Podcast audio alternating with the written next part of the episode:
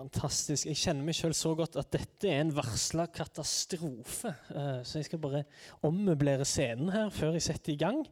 Altså, Jeg heter altså Thomas, som det ble sagt her. Og jeg er altså da fra Sandnes. Det er jo en by eh, som har, om ikke alt, mange ting. I hvert fall. Den har eh, mange ting. Og eh, jeg liker å si at eh, alt, alt som er godt, kommer fra Sandnes. Eh, og blant annet, hvis jeg skal bare nevne et par ting, da, så har du eh, eh, Altså, det er veldig mange ting som har Det er sånn gründerplass. Det starter mye greier der. Europris starter i Sandnes. Pizzabakeren starter i Sandnes. Eh, uh. Jeg vil også legge til at han som springer 5000 meter raskest i hele verden, er fra Sandnes. Eh, så mange bra ting. Jeg kunne sikkert nevnt masse mer, men jeg kom ikke på det akkurat her nå, liksom. Men det er veldig mange ting. Ehm, og jeg, eh, akkurat nå bor i Oslo, da, så det er jo litt løye. Men eh, jeg er gift med ei som heter Karoline. Vi har vært gift i ti år.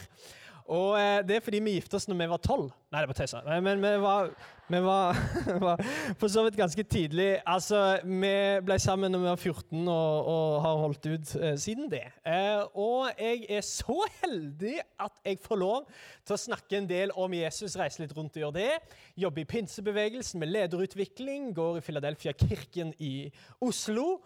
Og syns det er utrolig bra å være på Palmekysten sånn innimellom.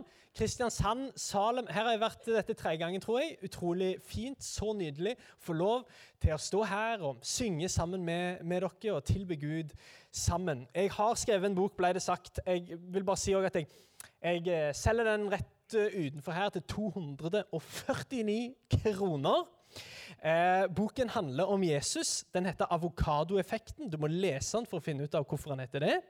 Eh, Undertittelen er 'En introduksjon til å leve entusiastisk'. For det å være entusiastisk betyr ikke at du elsker mandager og heter Petter Stordalen. Men eh, det betyr at du er fylt av noe som påvirker hvordan livet ditt ser ut. Ordet entusiasme er et gresk, stammer fra et gresk ord. En betyr i, teos betyr Gud. Så det å være entusiastisk betyr bare å ha Gud i seg, eller å være i Gud. Det er egentlig beskrivelsen av et åndsfullt menneske. Eh, og det er det jeg prøver å eh, liksom prøver slå liksom, fast noen greier og ødelegge noen myter og sånn om at du må være ekstrovert og sånne ting. For det må du ikke. Jeg er kanskje den mest introverte her i rommet. Jeg vil helst hjem. Men nå er jeg her, så jeg skal prøve, gjøre så godt jeg kan. Men, men, men jeg er ganske introvert. For du skjønner, Det å være introvert det sier ikke først og fremst noe om hvordan du kjører. liksom. Det sier først og fremst noe om hvordan du lader. Altså, Det, det betyr bare jeg lader når jeg er alene. det er det det betyr. Men når jeg er sammen med folk, så kan jeg kjøre på. Det, det går an. Så det å være entusiastisk stikker mye mye dypere enn liksom din personlighet. Det er det jeg prøver å hevde og si noe om i denne boken her. Eh, Så vet du også det. Det viktigste likevel med boken er det som står her. Uten forord av Øystein Gjerme. Altså, det er også veldig viktig. Eh, ingen forord av Øystein. For han skriver forord på alle kristne bøker. Har du lagt merke til det? Det blir ikke gitt ut noen kristne bøker lenger uten at Øystein Gjerme har skrevet forord. Så jeg tenkte, la, la meg komme med et friskt pust her til bokhyllen din. Uten forord av Øystein. Altså, vi er venner, så ikke, ikke misforstå. Men han er ikke involvert her. Altså. Uh, ja. Ok, du, har egentlig et ganske enkelt budskap. Eh, vi skal hoppe inn i det her. Eh, men en liten sånn rask samfunnsanalyse eh, skal, du, eh, skal du likevel få. Du vet, med, med eh, Eller la meg si det på denne måten her. Vi er lært opp til å tenke at det å være et menneske handler først og fremst om å være et rasjonelt, selvbevisst, akademisk, intellektuelt vesen. Og alt det er riktig, men det som driver mennesker, er ikke først og fremst at vi er tenkende. Det er først og fremst at vi er lengtende. Det betyr det er noe annet enn intellektet vårt som driver oss framover. La meg hevde det på denne måten her. Mennesker drives ikke først og fremst av argumenter, som man forstår her oppe, liksom. Men det som driver oss, er først og fremst historier som har grepet hjertene våre, og som har gitt oss nye lengsler. Jeg tror f.eks. at i en tid som vår, i et samfunn som vårt, der vi nå lever i, i kanskje, kanskje det mest opplyste landet i verden. Med kanskje et av de mest kunnskapsrike folkeslagene i hele verden. I Norge og i Norden. sant?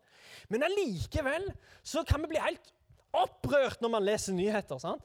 Allikevel så kan man liksom bli helt sånn Hæ, virkelig, liksom?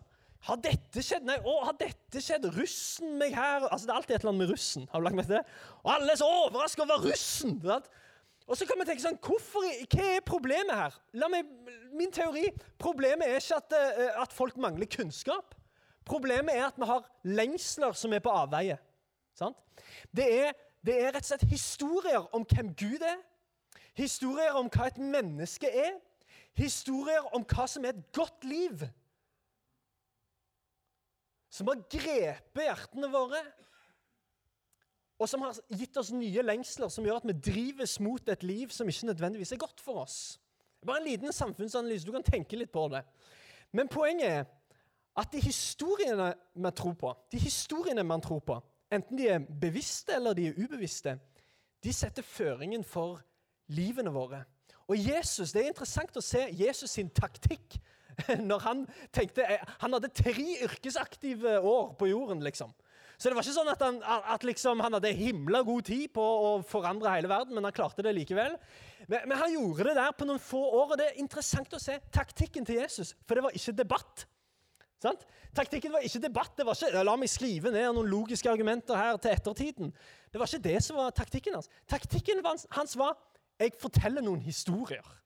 Overalt der Jesus gikk, så fortalte han historier. Og vet du hva De gode nyhetene om denne taktikken er at en historie trenger ikke være ekte for å være sann. Vet ikke om du har tenkt over det på det? For Jesus han fant på en hel del masse historier. Det var, han fortalte nesten aldri en eneste ekte historie. Jesus bare, Det kalles lignelser. Sant? Han bare fant på masse greier. Og Kanskje var det fordi det ikke fantes noen gode historier i det hele tatt, som prøvde å formidle det han prøvde å formidle. Så han fant på masse gode historier. Og dette er et veldig godt tips til deg. Hvis du trenger å endre kulturen Oi, se her, nå ødelegger jeg hele scenen her. Og vann til hele gjengen. Og uff, eh, det elektriske anlegget sliter. Men det går bra. Eh, så det kan være, hvis du, hvis du vil endre kulturen i familien din eller menigheten din, eller eh, for så vidt livet ditt òg, finn på noen historier å fortelle. Fordi at En historie trenger ikke å være ekte for å være sann. Og Jesus han fortalte vanvittige historier. Han påsto ikke at det var ekte historier, men han sa han, han, dro folk inn i en visjon. Han dro folk inn i et bilde. Han dro folk inn i en historie som fortalte noe om hvem Gud er, hva et menneske er, og hva som er et godt liv. Kampen som vi står oppe i akkurat nå, i denne tiden, det er først og fremst ikke en kamp om kunnskap og argumenter, men det er først og fremst en kamp om hvilke type historier som får rotfeste og grunnfeste i samfunnet og i individene. Vi trenger å fortelle historier, og vi trenger å fortelle våre egne historier. Det som er så deilig når du forteller en historie. For Hvis du begynner å diskutere med folk som ikke tror, og gir dem argumenter, så kan de komme med motargumenter som sannsynligvis er bedre enn dine. jeg vil bare si det. Men når du begynner å fortelle historien din, så kan de ikke si noe. For den er uansett din. Den er uansett subjektiv. Den er uansett sann fordi den er din. Så La oss være gode på å fortelle historier. Det jeg tenkte å bruke egentlig de neste 26 minuttene på her nå, det er å, å, å dra oss inn i en historie som Jesus forteller. Dette er en av de, kanskje, eh, en av de mest kjente historiene, eh, en av de mest berømte historiene som Jesus forteller. Og det er så mye greier å hoppe inn i her. Og igjen, denne historien som, Jesus, eh, som jeg nå skal lese, og, og, som Jesus forteller, det er en historie som forteller oss noe om hvem Gud er, hvem vi er, og hva som egentlig er et godt liv. Er alle våkne i rommet? Så bra! Fantastisk. Det er lov å gi tilbakemelding, altså. Det er, lov, det er lov, å si et halleluja hvis du helt vil. Sant? Men uh, lene deg litt fram og nikke litt. Så, mm, kan du si. Mm, det var deilig. Eller liksom sånne ting. Eller kul caps. Altså, Samme hva du sier, egentlig. Så lenge jeg føler meg bedre. Det er på en måte poenget. Så, uh, så ja, vi kjører på. OK. Lukas 15. Vi skal lese Lukas 15, vers 11. Hvis du har en bibel, så kan du bla opp. Uh, Lukas kapittel 15. Og eh, bare sånn at du forstår litt konteksten her. Jesus har altså stått med fariseere, eh, de jødiske lederne og lærerne, eh, som var begynt å bli provosert av Jesus. og Jesus står der og, og snakker med dem, og de lurer på og klarer ikke fatte og begripe at Jesus bruker så mye tid med prostituerte eh, og med folk som var skitne og ureine og utenfor, og som ikke passet inn i samfunnet, og spiste lunsj med, med sånne folk. Det, det, fikk han liksom litt kritikk for, og da forteller Jesus noen historier. Og, og nå er det, det, virker som at Dette er virkelig virkelig viktig å få fram, for han forteller ikke bare én historie, ikke bare to, men tre historier. Tre historier på rappen som skal hjelpe disse lederne og lærerne som trodde de kjente Gud, og som trodde de skjønte alt, men som egentlig ikke skjønte noen ting. Så jeg forteller tre historier, og den tredje det er den mest oppsiktsvekkende av de alle. Og vi skal lese det sammen. Det kommer til og med på skjermen her. Eh, det står sånn som dette. En mann Og husk, dette er bare en historie han finner på. En mann hadde to sønner. Og Den yngste sa til faren, 'Jeg vil ha min del av arven nå.' I stedet for å vente til du dør. Og Faren gikk med på å dele sin eiendom mellom sønnene. Og Noen dager seinere hadde den yngste sønnen solgt alt han eide, og så ga han seg på vei til et fremmed land. Der levde han et vilt og umoralsk liv og gjorde snart slutt på alle pengene sine. En alvorlig sultkatastrofe rammet landet, og han begynte å lide nød. I sin fortvilelse ba han en bonde om å få jobb. Og Mannen sendte ham ut for å holde vakt over grisene sine. Og til slutt var han så sulten at han bare lengtet etter å få spise av maten til grisene. Men ingen ga ham noe. Altså, Er det grisene som ikke gir ham noe? Det har jeg aldri skjønt egentlig helt. Det er i hvert fall, han er iallfall i en vanskelig situasjon. Han, nå, nå, er, nå, er, han helt ute å sykle. Han har ingenting. Og han sitter her og spiser, prøver i hvert fall å få seg noe mat fra disse fæle grisene. Men ingen gir han noe. Vi må bare ta et lite sånn pause fra denne historien, for det er en ting vi må, må, må på en måte um, bli enige om her. Og det er hva vil det egentlig si å være en sønn? Altså, for, for jeg, jeg, bare På sånn generelt grunnlag så er det avgjørende at vi forstår hva Jesus snakker om når han snakker om det han snakker om. For det, Vi leser 2000 år gamle tekster her. sant? Så vi må, jeg tror med, med fordel så, du kjenner Bibelen er skrevet for oss, men den ble ikke skrevet til oss. Den ble skrevet til noen helt andre. Det er fortsatt for oss, men den ble skrevet til noen andre. Så hvordan var det å være disse andre? Hva var det de egentlig hørte?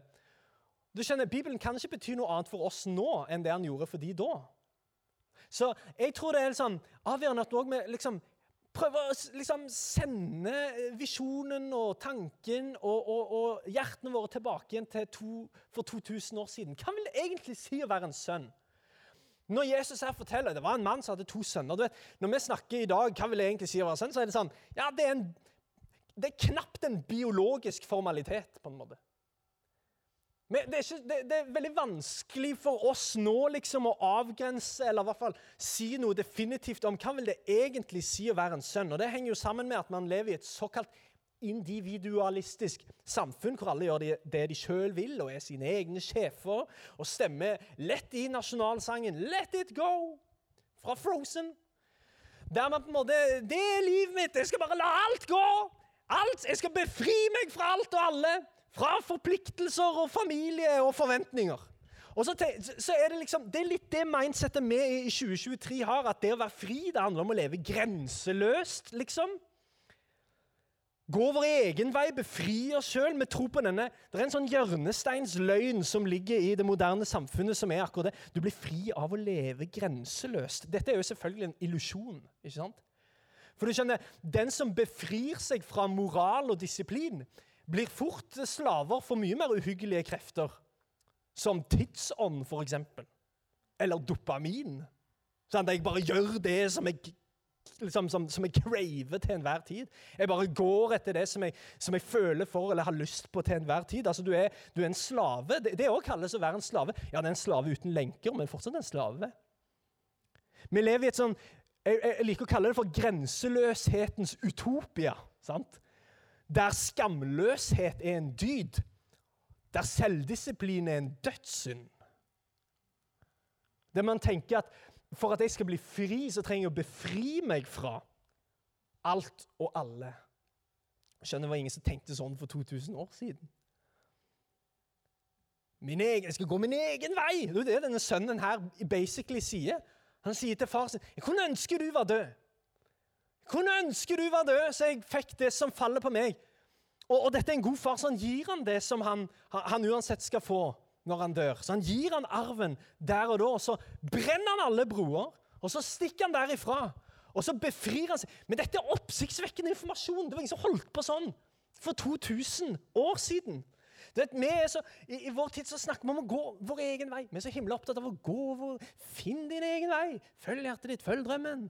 Gå din egen Og det jeg har også lagt merke til er at Alle som er veldig opptatt av å gå sin egen vei, de ender opp akkurat samme plass. har jeg lagt merke til. Vet du har tenkt på det. Men det virker som de lever nøyaktig helt prikk like liv og mener akkurat det samme om absolutt alt. De som går sin egen vei. Vi som sa det! Det er tre ting som jeg har lyst til å, å, å, å bare legge ut framfor deg her nå om det å være en sønn for 2000 år siden. Det første er at det å være en sønn det handler om at du hadde en adresse. Å være en sønn det betyr jeg vet hvor jeg tilhører. Jeg, det er helt tydelig for meg. Jeg har en adresse. Jeg har et, jeg har et hjem. Det å være en sønn det betyr at jeg tilhører et sted. Du skjønner, For 2000 år siden var det ingen som hadde Nav. Sant? Du hadde familien din. Det var det du hadde. Det var ingen som hadde strømstøtte. sant?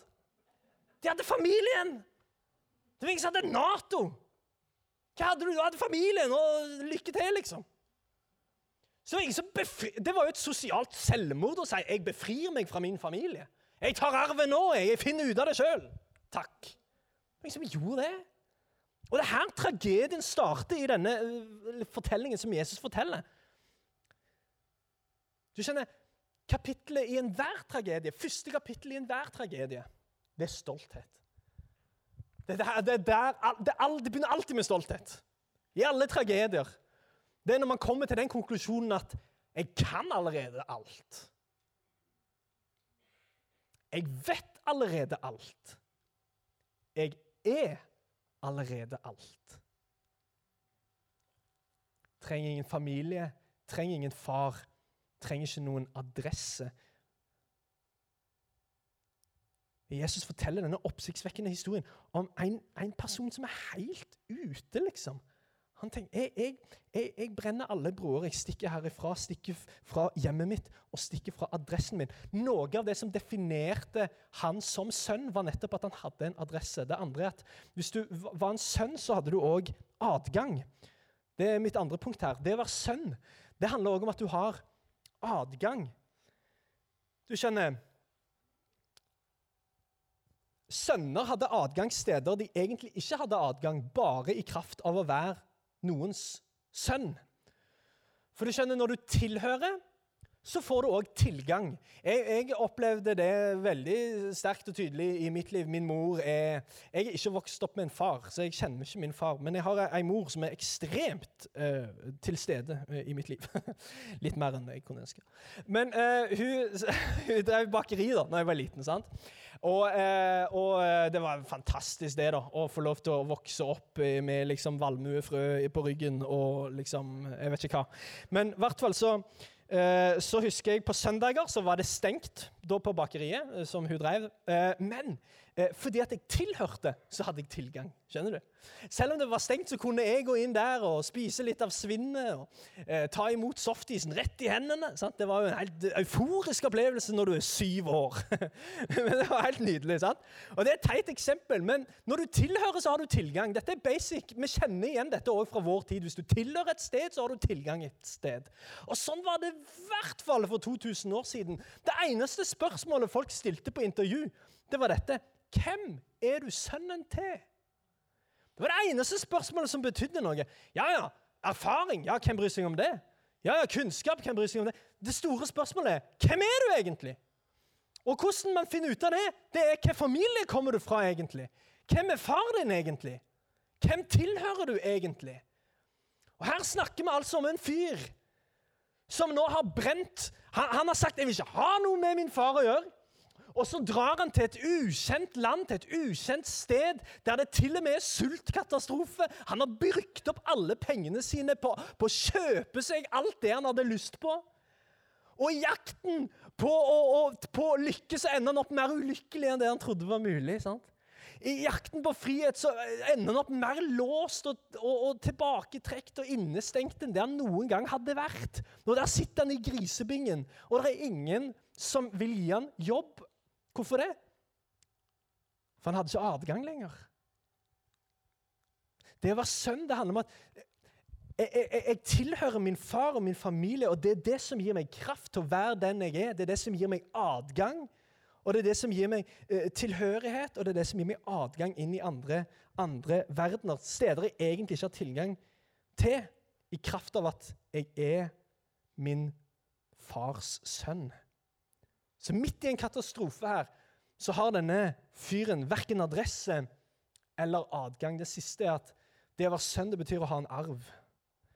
Det å være en sønn det betyr, det betyr at det, er en arv som venter på deg. Du er arving. Og nå må vi ikke misforstå, for da, det, da tenker jeg ikke på bestefar sin kikkert og liksom oldemor sin sølvskje og sånn. Egentlig, altså det er jo lurt på, er, altså Hvorfor får man sølvskeier uh, til liksom dåpen og sånn? Altså, hva er greia med det? Når skal man egentlig bruke den sølvskeien? har jeg tenkt masse på. I hvilken situasjon er det naturlig å spise yoghurt med sølvskje? Skal man liksom skryte av det? Flex, se, jeg spiser suppe med sølv. Altså, jeg skjønner ikke. Når gir det mening? Eh, det er mye dypere enn det her. Det å være sønn, det betydde at du var en arving. Og da var det ikke bare arving av ting, men du var arving av et navn. Og du var arving av en ære. Du var arving av noen verdier. Du var arving ikke bare av det din far har fått det, og, og dine foreldre har fått det, men dine foreldres foreldre og deres foreldre igjen. Du var arving av en legacy. Du var arving av noe større enn deg selv. Det var en skjebne som ventet på deg. Hvis du var sønn, det, var en skjebne som ventet på deg. Det å være sønn det betyr at jeg har en adresse, jeg vet at jeg tilhører et sted. Det betyr at jeg har en adgang. Jeg kommer inn steder bare i kraft av å være min fars sønn. Og det betyr òg det er en arv for meg. Det er noe som venter på meg. Jeg kan tulle det til en periode, men til slutt så er det en arv for meg. Men husk, denne sønnen som Jesus snakker om, han har brukt opp arven sin. Han har ikke det. Han har ingenting. Han har verken adresse, adgang eller arv. Han har Forstår du hvor ille ute denne typen er? Han hadde mistet alt det som definerte han som sønn. Uten adresse, uten adgang, uten arv. Han finner seg sjøl der i en grisebinge med antisjenerøse terroristgriser. Og ingen ga ham noe. Og vi har jo vært gjennom en pandemi, og sånn, men det er en sykdom som, som herjer mye kraftigere i hele den vestlige verden enn korona. Det er denne sykdommen som jeg så vidt var inne på, som kalles stolthet. Ideen om at eh, jeg kan alt, vet alt, er alt. At jeg må stå for valgene som jeg har gjort til enhver tid, og til og med de dårlige og destruktive. Det er liksom en del av pakken. Ja, du, må, må ingen, du må på ingen måte miste din stolthet. Skal iallfall ikke angre på noe jeg har gjort i livet mitt, eller be om unnskyldning til noen. På død og liv så skal jeg fastholde at jeg og mitt eget hjerte har svaret på alt.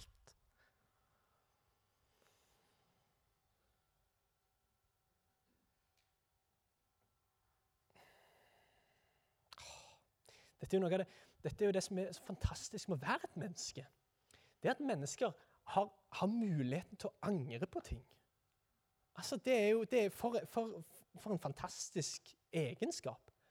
Man kan si 'jeg har gått ned en dårlig vei', men i dag så snur jeg meg og begynner på en ny en. Det er jo det som gjør det så fantastisk. Du vet, dyr, Det er så løye det er forskjell på mennesker og dyr. og sånn. For det er, bare, det er bare mennesker som angrer på ting. Sant? Det er jo det som gjør deg til menneske. At du har muligheten til å si 'jeg vil ikke gå ned denne veien lenger'. Sant? Ingen, ingen bevere som holder på sånn. Sant? nei, du er så lei av demninger. Angrer på Jeg burde bygd broer, jeg. Mye mer effektivt. Nei, ikke, er det ingen som tenker sånn. Det er ingen geit på pilegrimsreise for å finne seg sjøl. De er bare de de er. Sant? De har aldri lurt på Og dette er så interessant med å være et menneske. sant? Vi går til psykolog. og Ære være psykologer, og jeg har ingenting imot at vi går til psykolog. Men bare tenk over ideen at vi går til psykolog for å finne ut av hvem vi er, selv om vi aldri har vært noe annet enn det vi er. Det er veldig rar greie. Sant? Men dette er, det, dette er en del av komplekset av det å være et menneske. Det at vi ikke bare er styrt av instinkter som gjør, liksom, som lever som roboter. Nei, vi, vi lever av fri vilje. Det betyr at vi har, vi har mulighet til å velge godt og mulighet til å velge ondt. Og vi har til og med mulighet til å snu oss. Jeg har valgt noe ondt som ikke leder meg til noe godt, men nå snur jeg meg. Nå velger noe annet. Du vet, Sauer kan ikke gå baklengs, har jeg hørt. Altså, de har funnet sauer inne blant to fjellvegger, sånn, og så har de gått langt nok inn, og så klarer de ikke å snu seg, så da bare dør de der inne. Ja, ikke le. Det er trist. Og Der dør de, sant? Men det er fordi at de ikke har muligheten til å gå baklengs. Men vet du hva som er så fantastisk? Selv om, Hvis du ser bort ifra at Jesus noen ganger sammenligner oss med sauer, så er det som er så fantastisk, det er at mennesker har muligheten til å gå bakover og si vet du hva, jeg, jeg angrer på det jeg har gjort. Jeg snur meg, jeg velger et annet liv. Og du vet, hvis, hvis, hvis, Jesus hadde fortalt denne historien i dag, så hadde han kanskje fortalt, hadde kanskje ikke endt godt i det hele tatt. Fordi at i, i, vår tid så til og med de destruktive, dårlige valgene vi hadde tatt, skal vi liksom være stolte over. Ja, ja, men det, jeg gjorde det i god tro. liksom, sant? Og Så går jeg ned denne veien og tvinger meg sjøl til, til, å leve ut mine verste sider med stolthet. liksom. Dette er meg! Hadde, hadde, det vært 2023, så hadde kanskje denne gutten i Grisebingen tenkt ja, men dette er meg nå! Her i Grisebingen! Og jeg er fornøyd med det livet som jeg har valgt. Nei, Heldigvis, altså Jesus forteller ikke historien sånn. Hør hva det står i Lukas 15, vers 17. Da står det da dette er frigjørende mennesker. Endelig innså han hvor dum han hadde vært. Fantastisk! Og sa til seg selv Hjemme hos far har de ansatte mat i overflod, og her holder jeg på å sulte i hjel. Jeg går hjem til far og sier, 'Far, jeg har syndet både mot Gud og deg. Jeg er ikke verdt å bli kalt din sønn lenger, men la meg i det minste få arbeide som en av dine tjenere. Og Så gikk han veien hjem til sin far. Jesus forteller historien her om en, en, en sønn som i hvert fall har et snev av ydmykhet, i det minste. Bare et snev. Der han tenker med seg sjøl, og der han innser hvor dum han hadde vært. Og det er det, dette som endrer hele historien. Han sier til og med 'Jeg er ikke verdt å bli kalt din sønn'. Det er det han tenker med seg. jeg er ikke verdt. Og det verste er at han snakker jo sant. For han har gitt opp alt det som definerte han som sønn. Ikke har han arv, ikke har han adgang, ikke har han adresse. Han hadde ingenting som definerte han som sønn. Du har helt rett, jeg er ikke lenger verdt å bli kalt din sønn. Han tenker 'la meg i det minste få lov til å være en tjener i huset'. Mens sønnen ennå var langt borte, står det videre, så faren ham og ble fylt av kjærlighet og medfølelse. Han sprang imot sønnen sin, kastet seg om halsen på han og kysset han. Sønnen utbredt 'Far, jeg har syndet både mot Gud og deg, og jeg er ikke lenger verdt å bli kalt din sønn.' Men faren sa til tjenerne, 'Skynd dere, ta fram mine fineste klær og ha dem på ham.' Sett en ring på fingrene hans og sko på føttene. Hent gjøkalven og slakt den. For nå skal vi spise og ha en kjempefest. Sønnen min var død, men har blitt levende igjen. Han var tapt, men har kommet tilbake til meg igjen. Og Så begynte festen og gleden. Jeg vet ikke om du kan se det for deg. Denne faren, altså Det står at mens sønnen ennå var langt borte, så ser faren ham. Det, det, det, som Jesus her snakker om, det er en far som ser. Det er en far som ikke har gitt opp. Det er en far som fortsetter blikket, selv om sønnen har brent alt som var av relasjon, så har faren fortsatt blikket sitt. Enda mens sønnen var langt borte, står vi, Så ser faren han. Og så står det at han springer sønnen sin i møte, og det er her alle fariseerne kaster hatten sin i forskrekkelse. En mann som sprang! De hadde aldri hørt om det. sant? Det var bare barn som sprang. Og noen hysteriske eh, kvinner. sant? Men ingen menn! Du mista jo all ære og respekt. Hvis ikke du gikk eh, liksom, behagelig og oppreist som en verdig mann. Og Dessuten gikk alle i sånn kjortel, og sånn, så jeg måtte løfte det opp sånn. Det er veldig feminint. Sant? Det var ingen som gjorde det. Men her forteller og det, Skjønner du hvor oppsiktsvekkende her er? Er, her er det en far som mister ansikt for å bevise hvor mye han elsker en sønn som, har, som, har, som ikke lenger fortjener å kalles sønn. Men Jesus har forteller om en far som ikke er redd for å miste ansikt, ikke er redd for å bli skitten på hendene for å bevise hvor mye han elsker sin sønn. Og springer han i møte, han kaster seg om halsen på han. Og legg merke til at den, den unnskyldningen som han har planlagt, den kommer han bare halvveis til.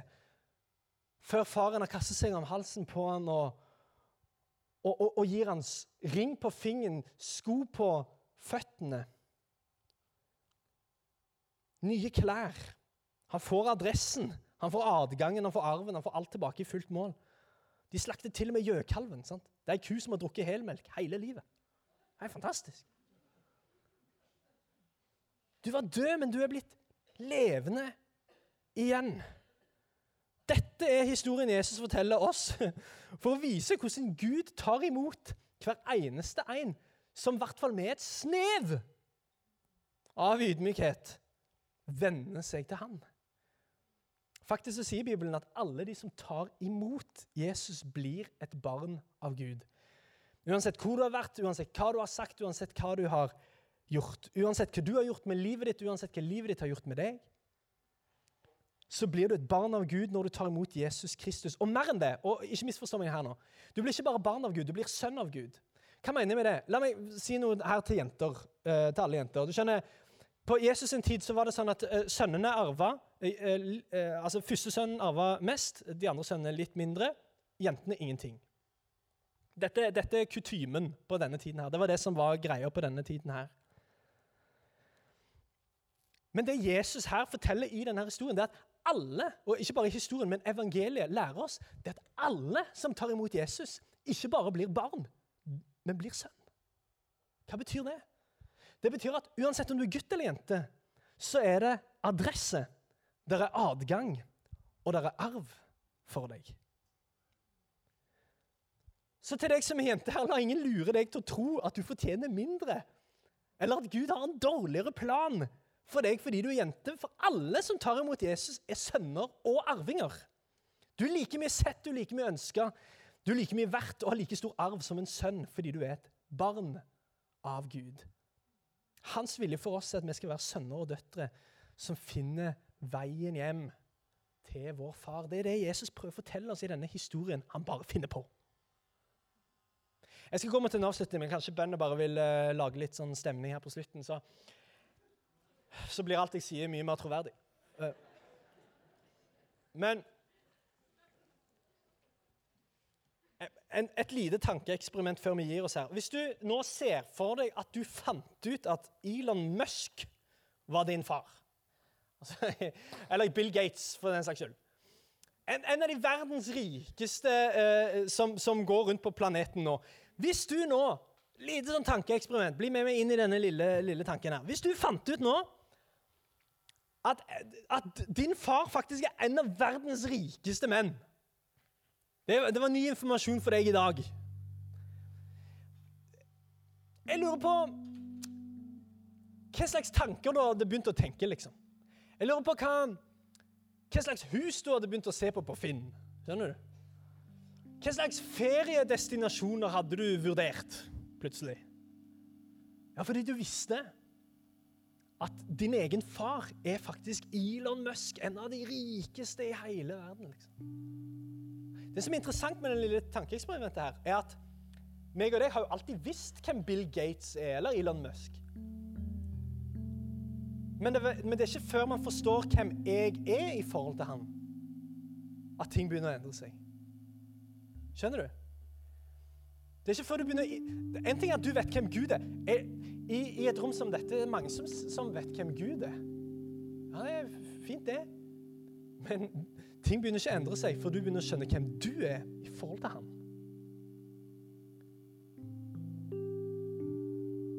Denne sønnen, når han er langt vekke, så sier han til seg sjøl ah, de ansatte har det bedre. Slavene, tjenerne i huset, de har jo bedre enn meg. Jeg som er av min fars kjøtt og blod, her sitter jeg, liksom. Og så er det slavene som har det godt. Jeg er ikke lenger verdt å bli kalt din sønn. Og han begynner å se for seg et liv der kanskje han òg er slave. da. Ja, jeg er kanskje ikke verdt å bli kalt din sønn, men jeg får ta meg til takke til å bare være en slave i huset. En tjener gjør det han sier, og kanskje vil noe dryppe over på meg. Jeg sier på at det er noen her som alltid har visst hvem Gud er. Og fordi du bare har visst hvem Gud er, og ikke hvem du er i forhold til han, så har du forholdt deg til Gud som en ansatt i huset hans. Du har gjort jobben, du har vist deg fra din beste side, du har vært her hver søndag. Du har stilt opp, du har kokt den kaffen, du har stått på scenen til og med, du har, du har vært her. Prøvd å gjøre alt rett, du har tjent iherdig, du har stilt opp, men du har gått glipp av det han ønsket for deg likevel. For forskjellen er når du begynner å innse at Gud er ikke bare Gud, men han er min far. Jeg er hans sønn. Jeg er hans datter, jeg er hans barn. Galaterne 4, 6-7. Fordi dere er barn, har Gud sendt sin sønns ånd i våre hjerter, og ånden roper 'Abba, far'. Og Dette er et absurd uttrykk. 'Abba, far'. Abba det, det, det, det, kan ikke bare oversettes som far, for da hadde det stått at, at ånden roper 'far, far'. Det, hadde ikke gitt mening. Abba det, er den barnsligste versjonen av far. Det er ikke engang pappa-far, det er mer sånn dadda-far. Det er den absolutt mest barnsligste måten å si far på. Fordi dere er barn av Gud, så har Gud sendt sin sønn sånn inn i våre hjerter som roper 'Abba, far'. Derfor er du ikke lenger slave, men du er sønn. Og er du sønn, så er du òg arving innsatt av Gud. Hør, Hvis du tilhører Jesus, så er du ikke en slave, men du er en sønn. Du er et barn. Du er familie. Du har adresse hos han. Du har adgang til han, og du har en arv fra han. Det er din skjebne som Guds barn. Vi har alle fri vilje og kan gjøre hva vi vil med det vi har hørt og det vi har sett. Derfor er mitt budskap nå til deg på slutten Velg Jesus.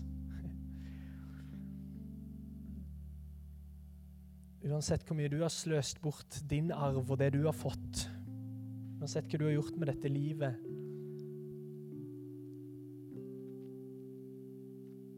Så er du bare en bønn under han. Han har allerede blikket sitt på deg. Enda mens du er langt vekke, så ser han deg. Kanskje så sitter du og du innser hvor dum du har vært i kveld. Eller du har vært en reise på det. Han, han, han, vil ha, han, vil ikke ha, deg som slave i huset. Han er ikke interessert i det. Han er interessert i sønner og døtre til familien. Til at du kommer hjem. Til at du finner din identitet i ikke hva du gjør for han, men hvem du er for han. Denne sønnen var død, men er blitt levende. Og tapt, men han er blitt funnet igjen. Og så begynte festen og gleden. Jesus, jeg vil bare takke deg.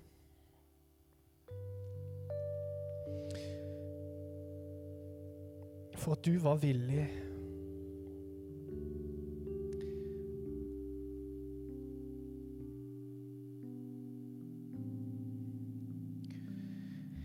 villig til å leve det livet som ingen av oss hadde klart å leve. Dø den døden som ingen av oss hadde klart å dø. Du tok vår plass. Straffen som vi fortjente. Du overvant døden. Sto opp igjen. Og åpnet opp veien til himmelen. Sånn at det ikke lenger handler om våre gjerninger, men din gjerning. Ikke hva vi har fått til, men hvem, hva du har fått til. Sånn at vi kan bare hvile i det du har gjort for oss.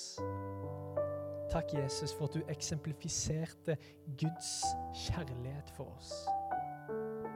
Som en far som ikke var redd for å miste ansiktet eller bli skitten på hendene for å bevise sin kjærlighet. Takk, Herre, for at du ikke samler på tjenere eller slaver.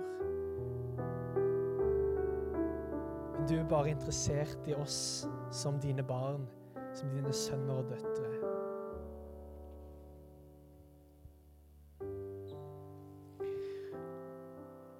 Og kan jeg spørre, mens vi har øynene våre lukka, kan vi bare ha det alle sammen her inne?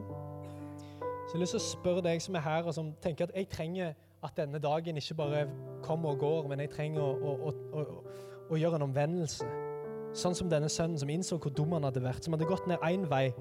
Men han ble ikke et offer for den veien han hadde gått på. Han tenkte med seg sjøl kanskje, bare kanskje, er det en far som vil ta imot meg. De gode nyhetene er at det er det. Det er en far som vil ta imot deg, som ikke stiller spørsmål, men som begynner å gi deg verdigheten tilbake. Han begynner å gi deg sko på føttene, ring på fingeren, klær. Gi deg et navn, gi deg en ære, gi deg en adresse og gi deg en arv. Og du sitter her og du tenker hvis det er sant, så vil jeg eh, ta imot den gaven. Da vil jeg gi Jesus en sjanse i mitt liv. Så vi skal bare gjøre det så enkelt. Jeg teller til tre, du løfter opp en hånd hvis det er deg. Og Da skal jeg ikke trekke deg ut, jeg skal ikke eh, peke på deg, ingenting sånt. Men jeg bare vil at skal, du skal vite at dette var et vendepunkt for meg. Så det er for din skyld. Og så skal jeg be en bønn for hele rommet her til slutt. Men hvis det er deg, så tell litt til tre, så løfter du opp en hånd. Bare som et tegn til himmelen. Jesus, mitt hjerte er åpent. Én. Alt er ferdig. To. Gud elsker deg. Tre. Hvis du vil gi ditt liv til Han, kanskje du løfter opp en hånd. Hvis det er deg, supert. Hvis det er noen flere Knallbra. Gud velsigne hver enkelt en. Gir noen sekunder til jeg, hvis du tenker det er meg i dag.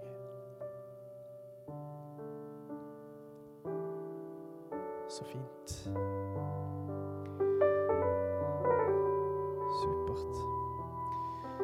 Jesus, jeg takker deg for de som har løftet opp en hånd, men mye viktigere, de som har åpnet sitt hjerte for deg. Kom med din Hellige Ånd. Fyll dem med kraft fra himmelen. Fred, overnaturlig fred.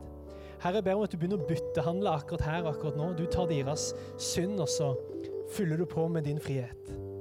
Du tar deres skam, og så fyller du på med nytt liv.